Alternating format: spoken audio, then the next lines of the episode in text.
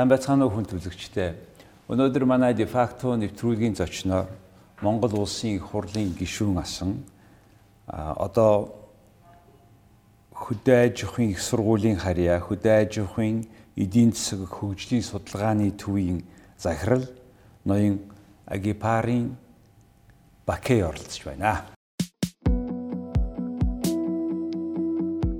Агипарын Бакей хөдөө аж ахуйн эдийн засаг хөгжлийн судалгааны төвийн захирал Академич эдийн засгийн ухааны доктор профессор Бакэ хөдөө аж ахуйн дээд сургуулийг хөдөө аж ахуйн эдийн засагч мэрэгчлэр Монгол Улсын их сургуулийн докторантурт суралцаж дүрхсэн. Тэрээр улсын хурлын гишүүнээр хоёр удаа сонгогдсон ажиллаж байсан бөгөөд улсын хурлын төрийн байгуулалтын байнгын хорооны дарга, байгаль орчин хүнс хөдөө аж ахуйн байнгын хорооны дарга, хөдөө аж ахуйн их сургуульд сургалт эрхэлсэн проректор, эдийн засгийн факультетийн декан зэрэг хариуцлагатай албан тушаалыг хашиж байжээ. Доктор Бакэн эдийн засгийн ухаан, микро эдийн засаг засаг, хөдөө аж ахуйн эдийн засаг зэрэг сурах бичгүүд нь ихтэй сургуулийн оюутан судлаачдын хэрэглээнд өргөн ашиглагдаж байна.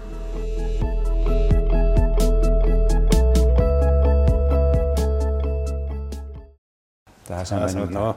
Сайхан зүсэж байна уу? Сайхан зүсэж байна уу та? За та сая орон нутгаараа яваад ирсэн төрсөн сумаараа аймгаараа. Тий. Сони юу вэ?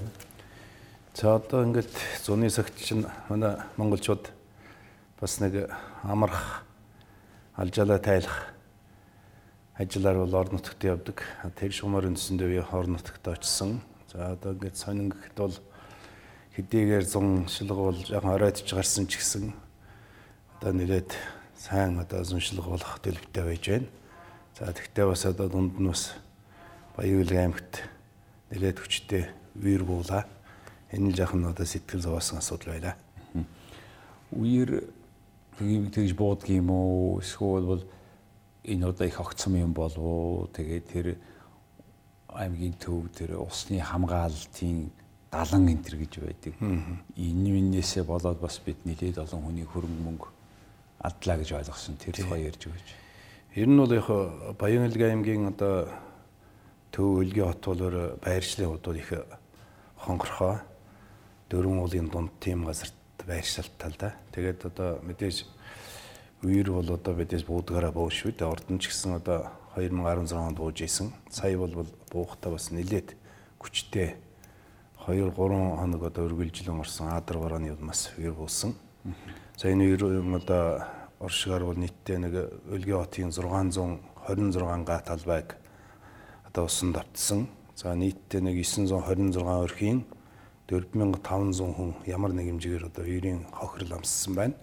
За энэ дотор бол 260 гарын одоо өрх орон цус нь одоо бүрэн зүйдсэн ийм хохирол амслаа л да. Тэгэхээр хэдийгээр яг мэдээж одоо энэ үер гэдэг бол хэлж ирдэггүй байгалийн гам шиг боловч энэ дотор бол хүний өвчин зүйлийн асуудал бас байна гэж ялангуяа хот байгуулалтын асуудал байна л да. Социализмын үед бол одоо өлгийн хотын урд хэсгээр баруунаас зүүн тийшээ одоо сонсон нэлээд том хэдийгээр одоо инженерийн хийцтэй биш ч гэсэн үерийн хамгаалт байсан л да. Харамсалтай нь тэр одоо үерийн хамгаалт нь бол одоо үндсэндээ бол байхгүй болсон. За дээр нь бол одоо газар олголт, хот байгуулалт, төлөвлөлт гээд маш олон асуудлаас хамаарат энэ одоо үерийн хүчтэй үерт бол бэлэн байсангүй. Улаанбаатар хот шиг бас тэр үерийн хамгаалалтын далан тэрэн дээр айл амьд нь бууцсан юм барьцсан тойруулаад ингээд тийм орох боломжгүй тийм болгоцсон байна гэж сонссон тийм үү? Тий. Тэгээд энэ нь бол яг мэдээж байгалийн давагдшгүй гэсэн зүйл буула гэхэд тэр чинь бол тэгээд бүхэлдэл үндсэндээ үлгийн хот бол бүхэлдэл автсан л та. Тэрэн дотор бол тэр ялангуяа тэр илүү хүчтэй автсан нь бол тэр яг одоо үер буудах тэр жалганы одоо харалда гэдэг шиг юм уу хонгорхоо газарт л гэр суусаа барьсан улсууд бол илүү их автсан. Тэгэхээр хайдл бид нар Улаанбаатар хотод байгаа энэ хот төлөвлөлтөй холбоотой газрын энэ замбраагүй гэж авсан энэ бүх бас тодорхой бага хэмжээгээр бас бүх аймагуудад байгааг нэг тод жишээ олчлаа гэж би ойлгосон. За ингээд баян-өлгийн ялангуяа нөхөрсөн хүмүүс туслах ийм үйл ажиллагаа улс орон даяар өрнөж байгаа энэ тухай ярьчихгүй юу болж юм яаж юм тий энэ дэр бол одоо яг төр засгийн зүгээс төрийн бас байгууллага хүмүүнлэгийн байгууллага олон улсын байгууллагууд мөн одоо иргэдийн зүгээс маш олон одоо санаачлагууд өрнж байгаа тодорхой уриалгууд гарч байгаа. За энэ дээр бол яг төрийн зүгээс нэг 80 гэр бас нэг үерийн хамгаалт хийх нэг 4 5 техник одоо өрдсөн байдлаар өгсөн байна. За энэний хажуугаар одоо бүгд найрамдах Казахстан улсаас Монгол суугаа элчин сайд яам бүгд найрамдах хятадд улсын элчин сайд яам за улаан загламын нийгэмлэг гээд за мөн одоо Баян-Улгийн аймагт үйл ажиллагаа явуулдаг банк санхүүгийн байгууллагууд тийм зүгээс бас одоо сайн санааны тодорхой хэмжээний тусламжууд үзүүлсэн байна одоогийн байдлаар. За энэ дээр нь бол одоо иргэд өөрсдөө бас санаа шилг гаргаж гараа сунгаж байгаа. За тэгэхээр энэ мэдээж энэ бол одоо яг үерийн одоо хохирлыг багасгах гэд нэг хувцас хонор ч юм уу өнөөдрийн идж уух асуудал өгөх нь бол нэг одоо асуудлыг шийдэх асуудал биш гэж бодож байгаа юм л да.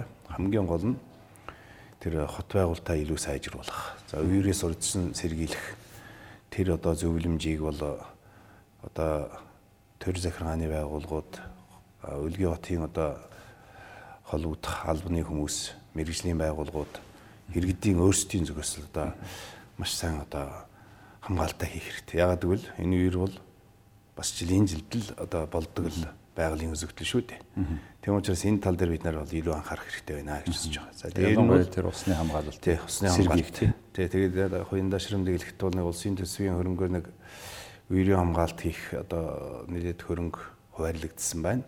Энэ тендерийн асуудал бол бас одоо жоохон хожигдож хожимдоо одоо эхэлж байгаа юм байна. Гэхдээ энэ нь бол бас одоо маш сайн чанартай хийх юм бол эргэжил бас өх хэмжээний дэвшил гарах болов уу гэж найдаж байна. За энэний зэрэгсээ хамгийн гол нь иргэд маань өөрсдөө нөгөө орон сууцаа аль болох үер дэсвэртэй тийм материалаар барих тал дээр бол анхаарах хэрэгтэй байна л да. Одоо нөгөө шаврын одоо блокоор барихаараа тэр нь бол их хэмжээний одоо өстой одоо үер буухад амархан одоо хайлаад алгуулждаг. Тэрнээсээ болж одоо хохирол онцож байгаа ядуу хэмзэг бүлгийн одоо өрхөд их байна л да. Тэгэхээр би бол одоо энэ тусламж үзүүлж байгаа улсууд хандаж хэлэхэд болж игэл одоо барилгын материал ялангуяа одоо тойпо тийм бетон, цемент энэ чиглэл дээр тусламж үзүүлэх нь илүү зохимжтой болов уу гэж уриалж байгаа. За тэрийг одоо энэ үерийн сургамж авч төлөвлөгөө хийж эннийхэн дагуу дах тэр холбогдох засаг захиргааны хүмүүс нь ийм олсыг харсан юм хийгээч гэж тий сургамжил чухал байгаа юм да. Хоёлаа ерөнхийдөө энэ Баян-Улгийн аймгийн эдийн засгийн тухай боломжийн тухай ярмаар байна. Одоо та энийг яаж харж байгаа та эдийн засгийн ухааны доктор хүн олон жил хөдөө аж ахуйн сургууль багшилсан гадаадд сурж исэн тэгэхээр хоёлаа ер нь яг юм эдийн засаг талаас нь баян өлгийн боломжийн тухай ярмаар байна л тэгчнээ ямаал ямар мал хэдэн хүн хаана яаж байрлал тий баян өлгийн аймаг бол ер нь бол одоо Монгол улсын 21 аймаг дотроо бол бас л одоо онцлогтой аймагуудын нэг. Тэр дотроо бол одоо төвөөс алслагдсан ийм байршилтай ч гэсэн эдийн засгийн хувьд бол чадвартай аймагуудын нэг гэж бодож байгаа. Ягаад гэвэл зэрэг одоо өрсөлдөх чадварын үзүүл тэр бол нэг 10 11 дгээр байранд л одоо жагсаж байгаа л да.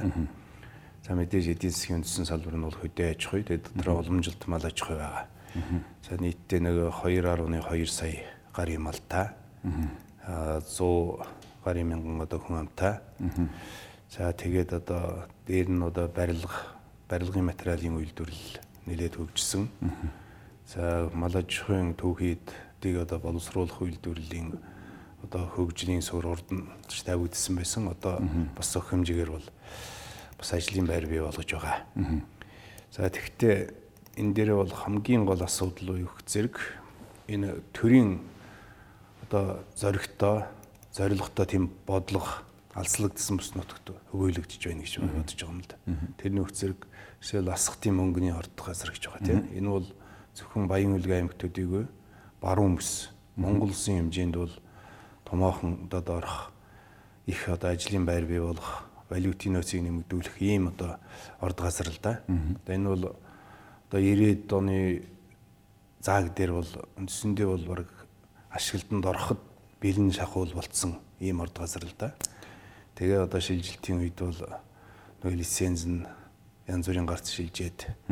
За тэгээд тэр одоо энийг бол яг ашиглая гэсэн тийм төрийн одоо зоримог бодлого өгүүлэгдснээс болоод өдий хүртэл одоо ингээд байж л байгаа. Одоо ямар төвшөнд байгаа? Хин эзэмшиж. Одоо бол одоо яг Оросын холбооны улс болоод манай талаас Монрос Витмет эзэмшдэг юм л да. Тэгээ энэ тал дээр бол одоо сайн санаачлах үндсэндээ гарахгүй байна. За бид бол олон талаас нь ярьсан. Тэгээ энэ дээр бол ядаж одоо баруун бүсдэхэд нэг юм хоёр том одоо хэмжээний ийм одоо ирээдүйтэй орд газрыг ашиглаад эхлэх юм бол энэ бол аяндаа жинхэнэ бүсчилсэн хөгжил гэсэн эндээс л эхэлнэ шүү дээ. Аймгийн төвөөс хичнээн километр зам. Аймгийн төвөөс нөгөө 200-аад километр газарт байгаа. Тэгээд яг Монгол Оросын хөлийн цаг дээр байдаг байхгүй. Тэгээд яг хуу энэ дээр бидний одоо их хурлын гишүүн байх үедээ бол тэр чинь өөрөө байршлын онцлогтой байсан. Нөгөө зам нь хэцүү учраас одоо ингээд Монголын хэлээр явж хагаад Оросын хэл рүү нэвтрээд буцаад Монголын хэл урж иж очдөг байсан. Тэгээд тэрний замын засаад шууд одоо шууд очдөг ийм хэмжээнд хүрсэн л дээ. Гүүр барьсан, зам тавигдсан гэд. За. Одоо ганцхан энийг бол нэг хөдөлгөөнд л оруулах хэрэгтэй л байна. За. Тэгэхээр саяхан тэр Монрос Светмет 41 49% нь Монголын талд ирсэн байгаа тий. Энтэй холбогдлоод Орос Монголын хувийн компани хуулийнхаа үднээс нэг хамт ажиллагаа болоод энд яваач гэсэн санаа явж байгаа. Тийм санаа. Өөр ямар урд газар үед. За өөр одоо яг янз бүрийн одоо зис малвдэний гэх юм уу. За тэгээд төмрийн өдөр гэд одоо нөөцнийгэд нилээд гэдэг одоо урд газрууд бий. За. Тэгэхээр энийг бол яг сонирхож лицензийн авсан бас аж ахуйн нэгжүүд компаниуд бий л дээ гадаад дотоод. Гэхдээ эдгээр нь бол одоо ингээд жишээл одоо юу гэдгийг ногоон нурсмын одоо харт туулгын одоо баяжуулах үйлдвэрэнцэндээ баригдсан байхгүй. За мөн одоо өнгөрсөн бидний хурлын гишүүн байх үед. За. Тэгээд тэр нь бол одоо хятадын тал үндсэндээ 100% хөрөнгө оруулагч байсан. За. Тэгээд э, ямар шалтгаанаар бүүмэд тэр нь одоо зогссон байна. Тэгэхээр иймэрхүү юм бол одоо ер нь бол энэ дашрамд хэлэхэд бол манай улсад бол одоо бизнес эрхлэх, хөрөнгө оруулах, ялангуяа гадны хөрөнгө оруулахт бол бизнесийн саад бэрхшээл их байна шүү дээ. Энэ бол одоо Монгол улсын хэмжээнд тэр дотроо одоо манай аймагч гэсэн их байна. Тэгэхээр энэ одоо элдвянзын дарамт шахалт саад дотгорыг бол арилгах тал дээр бол анхаарах хэрэгтэй гэж бод. Зам байгаа. Урдаас хойш урд хилээс ховд хүртэл татсан зам. Одоо тань Баян-Улгийн аймгаар дамжиж цаашаа гарах хэрэгтэй. Энэ ямар төвшөнд байна? Тэг энэ бол олон улсын одоо AH3 гэдэг одоо тэр зам Баян-Улгийн аймаг гийн одоо цагаан нуураар орж ирээд цагаан нуурын бомбтор тий Оросын холбооноос хойдлаас.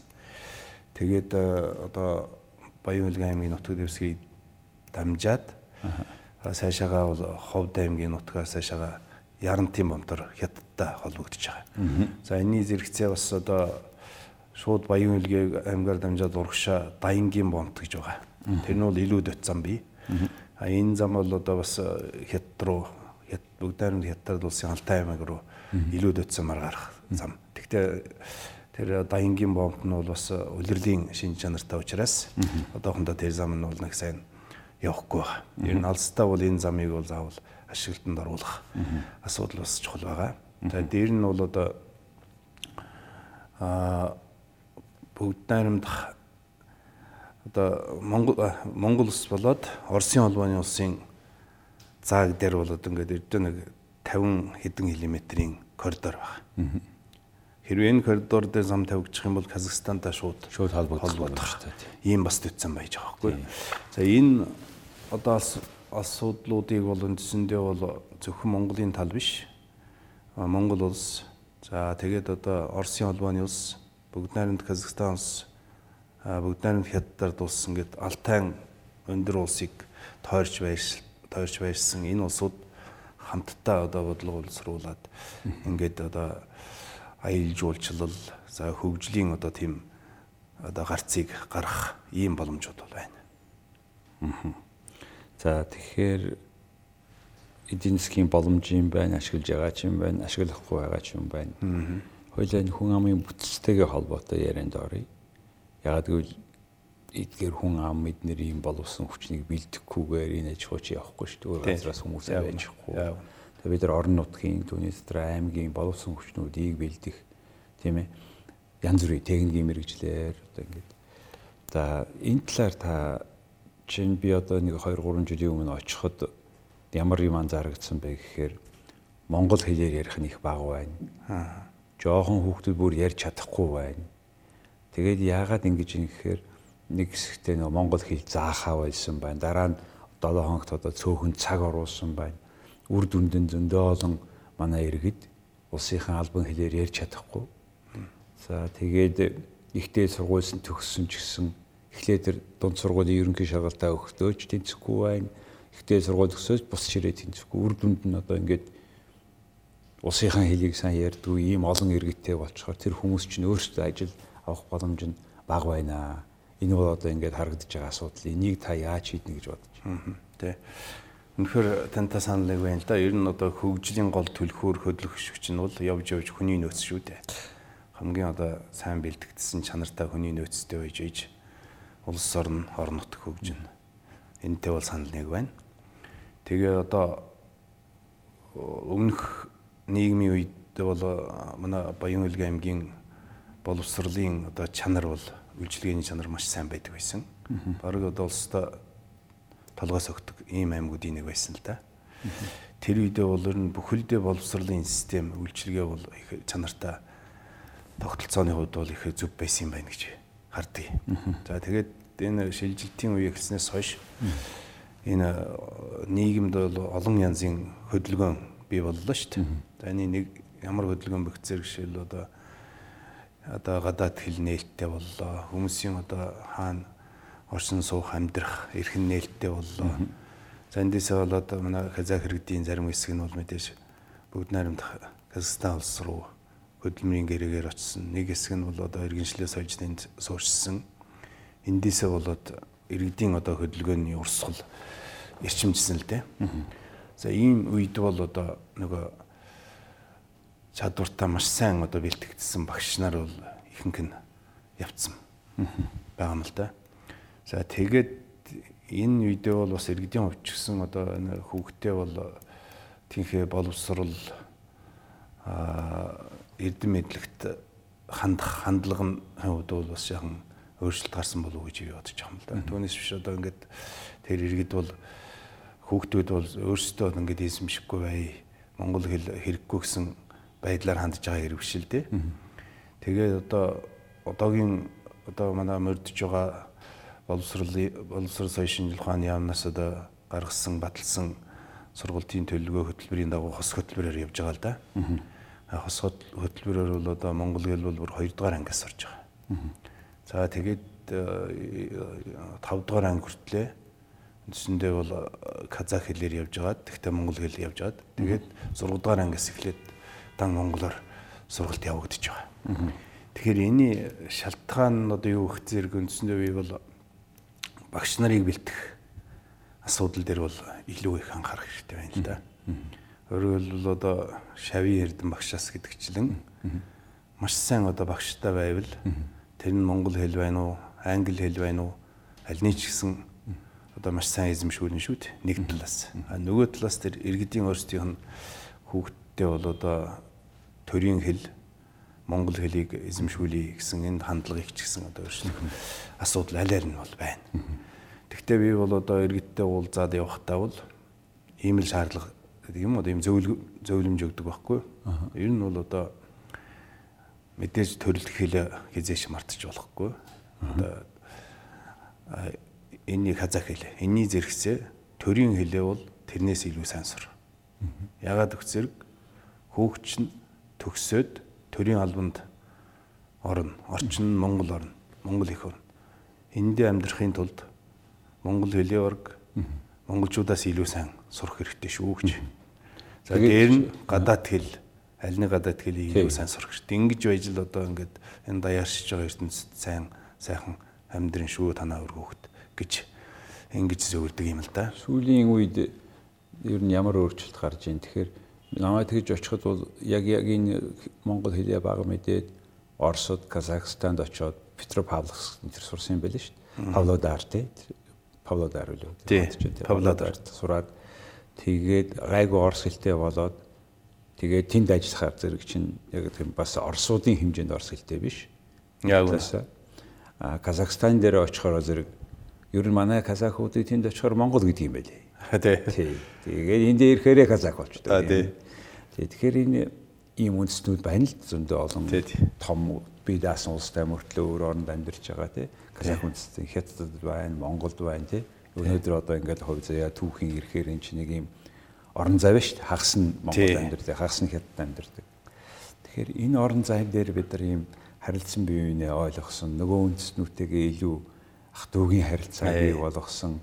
Энэ дээр нилээд ийм одоо энэ насан турсан хүмүүс нь ахмад дүүийн залуучуудаа зөв ойлгуулсан арга хэмжээ явагдахгүй болбол бүр бодлоготойгоор энийг хийхгүй энэ энэ орон зай чи хоосон үл дээ. Тэгээ зүгээр одоо хүүхдүүд ч юм уу хүмүүсийн хүүхд чинь бүр бүрэн хүн болоогүй хүн болж явж байгаа шүү Тийм боловсраагүй байгаа. Тэгэхээр эдний хооронд зүгээр нэг ойр зургийн явган яриагаар эсвэл мэдлэггүй боловсралгүй ууртай ойрыг бодсон хүмүүсийн хэв ховжив яриагаар юм цаан тийм цав суучих үеийг би дотроо болгоомжилдаг юм л да. Тэгээ энэ утгаараа ямар өөрчлөлт болж байна вэ одоо тэр түрүү миний ярьсан тэр Оросд очиод ажил олоогүй буцаад ирсэн дээд боловсралтай залуучууд байд юм байлаа ажилгүй. Наашаа ирээд ажлыг хэлээ мэдэхгүй байдаг. Тий. А ингээ сайн харах юм бол тэр хүн боловсралтай хүн байгаа. Яг үнэ. Ажил байх. Тий. Тэгэхээр энэ дээр ер нь юу хийх нь зүйтэй вэ гэж та боддог вэ? Тий тэгэхээр одоо яг таны хэлдэгчлэн саяны одоо нэг хэсэг одоо хүүхдүүд бол ерөнхий боловсролын сургууль төгсөөд одоо нөгөө Турк руу очиж суралцаад тэгээд дээд боловсролтой болоод мэрэгжил эзэмшээд ирж байгаа юм л да. Нэг хэсэг нь Оросын холбооны ус, нэг хэсэг нь Казахстанаас гэд. За энэ улсууд бол нөгөө ерөнхий боловсролын дунд сургуульд монгол хэл олигтой эзэмшээгүй. Тэгсэн мөртлөө өөр хэлийг бол сурцсан. Мэрэгжил эзэмшсэн. Ажиллах талбар нь Монголд байдаг. Тэгэхээр эндээсээ бол бас асуудал гарч байгаа биз. Тэгэхээр энэ дээр бол тий энэ дээр бол би бол ер нь бол одоо хүний нөөцийн одоо хөгжлийн тийм бодлого боловсруулад хэрэгжүүлэх хэрэгтэй байна л да. Яг бид нар бол одоо их хурлын гишүүн байхдаа бол энэ төрөөс боловсруулалтын талаар баримтлах бодлого За мөн одоо энэ одоо казах иргэдийн хүүхдийн боловсролын талаар авах хэмжээ төрөөс авах хэмжээний талаар тогтоол хүртэл засгийн газрын тогтоол хүртэл гарч ирсэн л да. Энэ дээр саяны одоо тулгымдсан асуудлуудыг бол хамгийн гол зарчмын асуудыг л тусгасан болохоос биш яг зохион байгуулалтанд ороогүй байна. Тэгэхээр энэ дээр тэгэхээр энэ дээр бол одоо Монгол улсын үндсэн хуулийн дээр ч гэсэн ийм заалт байдаг шүү дээ 8-2-т байдаг. Тэрний үх зэрэг өөр хэл бүхий одоо хүн амын цөөнх бол өөрийнхөө одоо төрөл хэлээрээ соёл боловсрал эзэмших мэдээлэл авах хэрэгтэй. Гэхдээ энэ нь бол одоо тэр 8-1 заасан одоо төрийн хэлний юунд бол харьцлахгүй гэсэн ийм заалт байна. А тэгээ энэ 8-2 дугаар заалтыг 8-1 дугаар заалтыг боловсрал соёл шинжилгээ ухаан болны яам бол одоо зохион байгуулах хэрэгтэй. За энийг бол боловсролын яам дээр ч гэсэн бид нэр зааж өгсөн. Яагаад зохион байгуулахгүй? Тэгэхээр энэ дээр бол яг хуу одоо иж бүрэн биш. Мэдээж огт зохион байгуулахгүй байна гэж би хэлэхгүй байна л да. Иж бүрэн биш. Хэсэгчлсэн байдлаар л одоо ийм арга хэмжээ аваад байгаа хгүй. Тэгэхээр энэ дээр бол тэр одоо бүр ул үндсээр нь судлаад тэгээд одоо монгол хэлний жишээл одоо багшлах боловсронгчны яаж сайжруулах вэ? Ном сурах бичгийг яаж сайжруулах вэ? За тэгээд одоо ихтэй сургуульд суралцах одоо тэр ерөнхий чиглэл, мэрэгжлийн чиглэл те энэ бүх асуудал дээр бас бодлого байх хэрэгтэй байна л. Яагаад бодлого байна вэ зэрэг эн чинь Монгол улсад бол үндсэндээ сорын ганц өөрөм самг шүү дээ. Үндэсний сөнгө амьдэрдэг. За энэ дээр бол одоо ондооших, хандлах, ижилс хандлага гэж аль аль нь байна те. Тэгвэл энэ ондооших, ижилс хандлагын аль альний зөв хослуулж авч явах тэр зохион байгуулалтын имийг л харин Авах хэрэгтэй байна гэж. саад болоод байгаа. Юу саад болж байна? Хүний асуудал уу, мөнгөний асуудал уу, хүслийн асуудал уу? Яагаад бид энийг одоо ингээд энэ олон жил ярьж байгаа мөртөө хийхгүй? Тэгээ бидний энэ үйл ажиллагаанаас чинь болоод гिचнээ олон хүүхдүүд манай Монголын иргэд казах хүүхдүүд энэ боломжийг алдаад байгаа юм байна гэдэг асуудал. Тэгэхээр энэ дэр бол яг би бас одоо ингээд бас л тантай адилхан л боддог юм л да. Тэгэхээр одоо ингээд гадаад дотоод ихтэй сургууль төгссөн. За чадвартай чадваргүй янз бүрээр төгсөж байгаа шүү дээ. Одоо манай дээд улсрын чанар ойлгомжтой учраас. Тэр бүх хүүхдүүд төгсөнгүүд очиод өлгийн хонгорт очиод суулгарч байгаа. Энэ хонгорт. Хөдөө явах. Одоо өөр аймаг руу Улаанбаатар дээдэнд тийшээ явахгүй тий. Тэгээд тэн ч нөгөө аянда дээд боловсролтой ажилгүй эдлийн бөөгнөрл тэндээ илүү бий болж байгаа хгүй. Яагаад тэгээ яваад гэж вэ? Яагаад яваад энэ зэрэг бусд газарт ажил болдохгүй. Аа. Ажил болдохгүй тий. Тэгэхээр өөрийн эрхгүй тэнд л очиж. Нийгмийн асуудал энд ажлын байрыг бий болох, эдийн засгийг хөгжүүлэх, тэр хүмүүс хичээх юм бол мөнгө олдог, сайхан амьдрах боломж бүрдээгүй байгааг л харуулж байгаа. Тий, тэрийг харуулж байна. Энийг бүрдүүлэхгүй байх тусам бид нар энэ асуудлыг гүнзгий болж. Дээр нь дээр нь яг таны яриаг тасалчлаа уучлаарай. Дээр нь бол яг одоо гүйцэтгэх засаглалд бол одоо тэр үндэсний сөнхийн төлөөлөл тий тэр бол байсан үед бол энэ саяны тулгымдсан асуудлыг шийдэхэд бол бас гар бие оролцдог ийм боломж байдаг байхгүй. Тэр бол үндсэндээ бол 90-ад оноос хойш л гэдэг үндсэндээ тасарч явсаар байгаад сая нэг одоо барилгын улсын сайд нэг том удаан ташилсан гэж үү? Тэгсэн. Аа за тэр хаан гой байсан би санаж байна.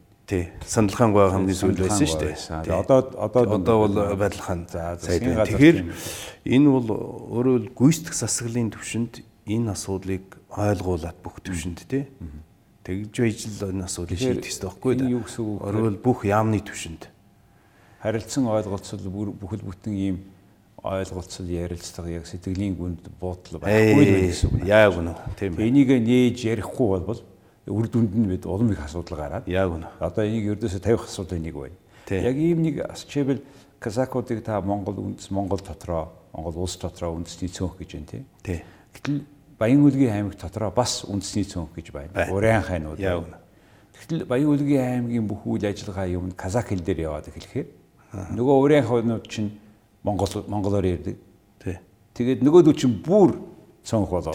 Бүр ажлын боломж ингээд алдагдаад байна. Энэ асуудлыг та яаж харж байна? Тий, ер нь бол би тэр бас нэг дурдсан л да. Ер нь альва цөөнх гэдэг чинь нөгөө олонхийг дагаж шийдвэр гаргачихаараа цөөнхийн эрх ашиг дандаа зөрчигдөж идэг байхгүй юу? Энэ бол юм байна. Тэгээд энэ бол одоо казагран хайдаг асуудлыг яриад л. Тэгэхээр энэ шил юу гэдэг юм байна л да. Шил одоо ингээд уранхай хөвгтүүд доо нөгөө одоо хамгийн над зах нь би жишээ хэлэхэд одоо ингээд анги дүүргэлтгч нэг ойлголт байна те. За ингээд нэг анги дүүргэхийн тулд 25-аас 30 хүүхэдтэй байж иж. Тэр чинь нөгөө зардал мөнгө төсөв талаас л одоо яригдэн штт. Гэтэл одоо зарим зарим сум дээр бол сөөхөн одоо уран хаяр гэд байдаг. Дээрнх нь казахууд байдаг тий. А тэн дээр бол нөгөө хос хэлний хөтөлбөрөөр явж идэг. А гэтэл нөгөө хүүхдүүд уран хай хүүхдүүдийг л одоо ингээд дангаар наваад анги бүрдүүлэхэд нэг өсрөөд 10 хүүхдтэй болчдөг юм уу тий. Ийм асуудлууд байна. Тэгэхээр одоо ийм юмн дээр бол яхах аргагүй л одоо тэр зардал мөнгөний хувьд ч гэсэн менежмент зохион байгуулалтын хувьд ч гэсэн одоо тэр орон нутгийн төр захиргааны байгууллагууд бүх сумууд нь тэгэхээр юу юм уу? Аль хэдэн сумуудад нь урай хаанууд нь байд юм. Би нэг аль ерөнхийдөө бол одоо буянт, алтан цогц, булган за тэгээд аймгийн төв аа тэгээд алтай сум эдгээр сумд байна. За тэгээд цэнгэлд бол тува иргэд байна. За энэ сумууд дээр бол бас яг саяны маягийн бас л одоо тодорхой бодлого л өгүүлэгдэж байгаа үндсэндээ. А түүнээс биш одоо хүний эрхийн асуудал шүү дээ тий. Аль альны зөрчиж болохгүй. Казах нь байна, Уранхай нь байна уу тэр нь хамаахгүй. Хүн бол хүн. Тэгэхээр энэ хилний асуудлыг энийг одоо зөв зохицоо шийдээд явахгүй бол үл ойлголцоо гарах тэр чиглэл рүү яваад байгаа бие биенийхээ хэлийг ойлгохгүй яаж хоёр хүн ойлголцох вэ? Тэгэхээр энийг бид нэр одоо ингээд өнөөдөр тантай ингээд яриад энийг асуудыг сөхөж тавьж байгаа нь бол миний бодлоор бол их оройтсон ч гэсэн асуудал гэж бодчих. Улсын хэмжээнд бид казахуудыг манай казах цөөхүүдийг яг тэр ашиг сонирхлыг бүрэн хангаад тэгээд үндэсний хэлийг мэддэг болохгүй. Яг үнэ. Баян өлгийн аймаг дотроо казакуудын хажууд байгаа цөөнх байгаа. Тий. Тэгээ урайнхууд урайн хануудыг бас өөрийнхөө үндэсний хэлийг мэдэх боломжийг адилхан боловсрол авах боломжийг. Тэгэхээр асуудлын гол нь юмыг бүр болцсон хойно биш. Тий. Болохоос нөгөө нь ярихтал хамгийн байна шүү дээ. Тийм. Энэ ярилцлага мэтгэлцээнд л хувь нэмэр оруулах гэж таныг өнөөдөр ингээд урьлаа. Тий.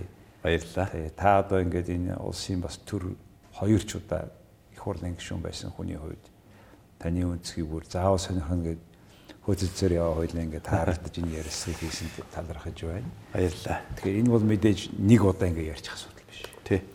Энийг бол тогтмол тасралтгүй орон даяараа ярьж ийм асуудал байгаа гэдгийг хэлэлцэж байж л асуудал шийдэн шүү. А үгүй юм бол бид нар энийг хэл уучраа олохгүй хүүхдүүд буруу ойлгоцоод хоорондоо ямар ч конфликт гарах юм бэлээ хэмэдлээ. Тий шүү дээ. Тэгээ энэ талаас нь ярьж байгаа юм аа. За баярлалаа. Тэгэхээр хамгийн түрүүнд бол одоо энэ хамгийн одоо тулгамдсан асуудлыг одоо ярилцахаар нэвтрүүлэгтээ орж одоо энэ асуудлыг бол хөндөсөн танд бол их баярлалаа. Тэгэхээр одоо таны хэлдгээр альва одоо ингээд өвчнийг урдчсан сэргийлэхгүйгээр эмчлэхгүйгээр ингээл яваад байвал тэр нь улам одоо лавшраад сүулдэ Юунд шүү гэж бод. Тэг хэсүү асуудалд хөргөн шүү дээ. Тэрнтэй адилхан энэ одоо үндэсний сөнх, сөнхийн доторх сөнх. За тэр Баян өлгөө аймагт байгаа Казах Франха а Тува арт түмний тэр эв нэгдэл энэ асуудлыг бол яхахгүй бид нар бол зөв залж явах хэрэгтэй. Энэ дотор бол нийгмийн ухамсар зүгээр одоо хүмүүсийн хоорондын харилцааны ухамсар бол ялгаа байна. Энэ дээр бол зориудаар бас дэвэргэж энэ асуудлыг бол ингээд энэ сошиал одоо сүлжээгээр бол хамаагүй дэврэгдэг асуудалч бас хандлага их байна. Тэгэхээр энэ бол эндээ автахгүйгээр асуудлын мөн чанарыг зөв олоод гаргаж тий. эртхэн одоо тэр гарцыг нь олох нь үнэхээр чухал байгаамаа. Харилцсан бие биенээ хүмүүс хайрлаж, хүндэлж тэгжиж л асуудлыг шийдэж. Шүү дээ. Би зүгээр одоо ингээд иргэдийн дунд бол явхад бол тэр жирийн иргэдийн дунд бол ямар ч асуудал байхгүй. Тэр чинь хоорондоо бол одоо бас олон мянган жилийн дотор л одоо ингээд хамтраад одоо айл хөрш болоод ингээд бие бинийгээ дэмжиад ингээд амьдарч ирсэн улс шүү дээ. Тэгэхээр хамгийн гол нь энэ дээр бол нэг жижигхэн гэдэг юм уу тэр тулгымдсан асуудлын нэг сэжүүрийг олж аваад тэрийг буруу тишин залах гэсэн ийм хандлага сүүлийн үед сонирхолтой асуудал бас мэрсээр байна. Энийг л Ийм маягаар нэр төр тэр олж авах замаар бол гэсэн шийдэхгүй тий. Улс үнэ. болсон ийм хандлага. За юу ч гэсэн та хоёр энэ яриа асуудлыг ийм байна гэж ярьчлаа. Тий. Юу байж болохыг ярьчлаа. Тий. Энэ бол эхний яриа, юу сүүлийн яриа биш. Яг үнэ. Олон төвшөнд олон газар олон хүмүүс ярих хэвээр. Ярихгүй юм бол асуудал дэвэрчдэг тийм ээ. Тий. Их баярлалаа тань. За баярлалаа танд. За амжилтасаа. За. За хүн түзэгчтэй өнөөдөр манай дефакто нэвтрүүлгийн зочноор улсын хурлын хоёр удаа гишүүн асан Агипарын Бакей оролцлоо. Баярлалаа.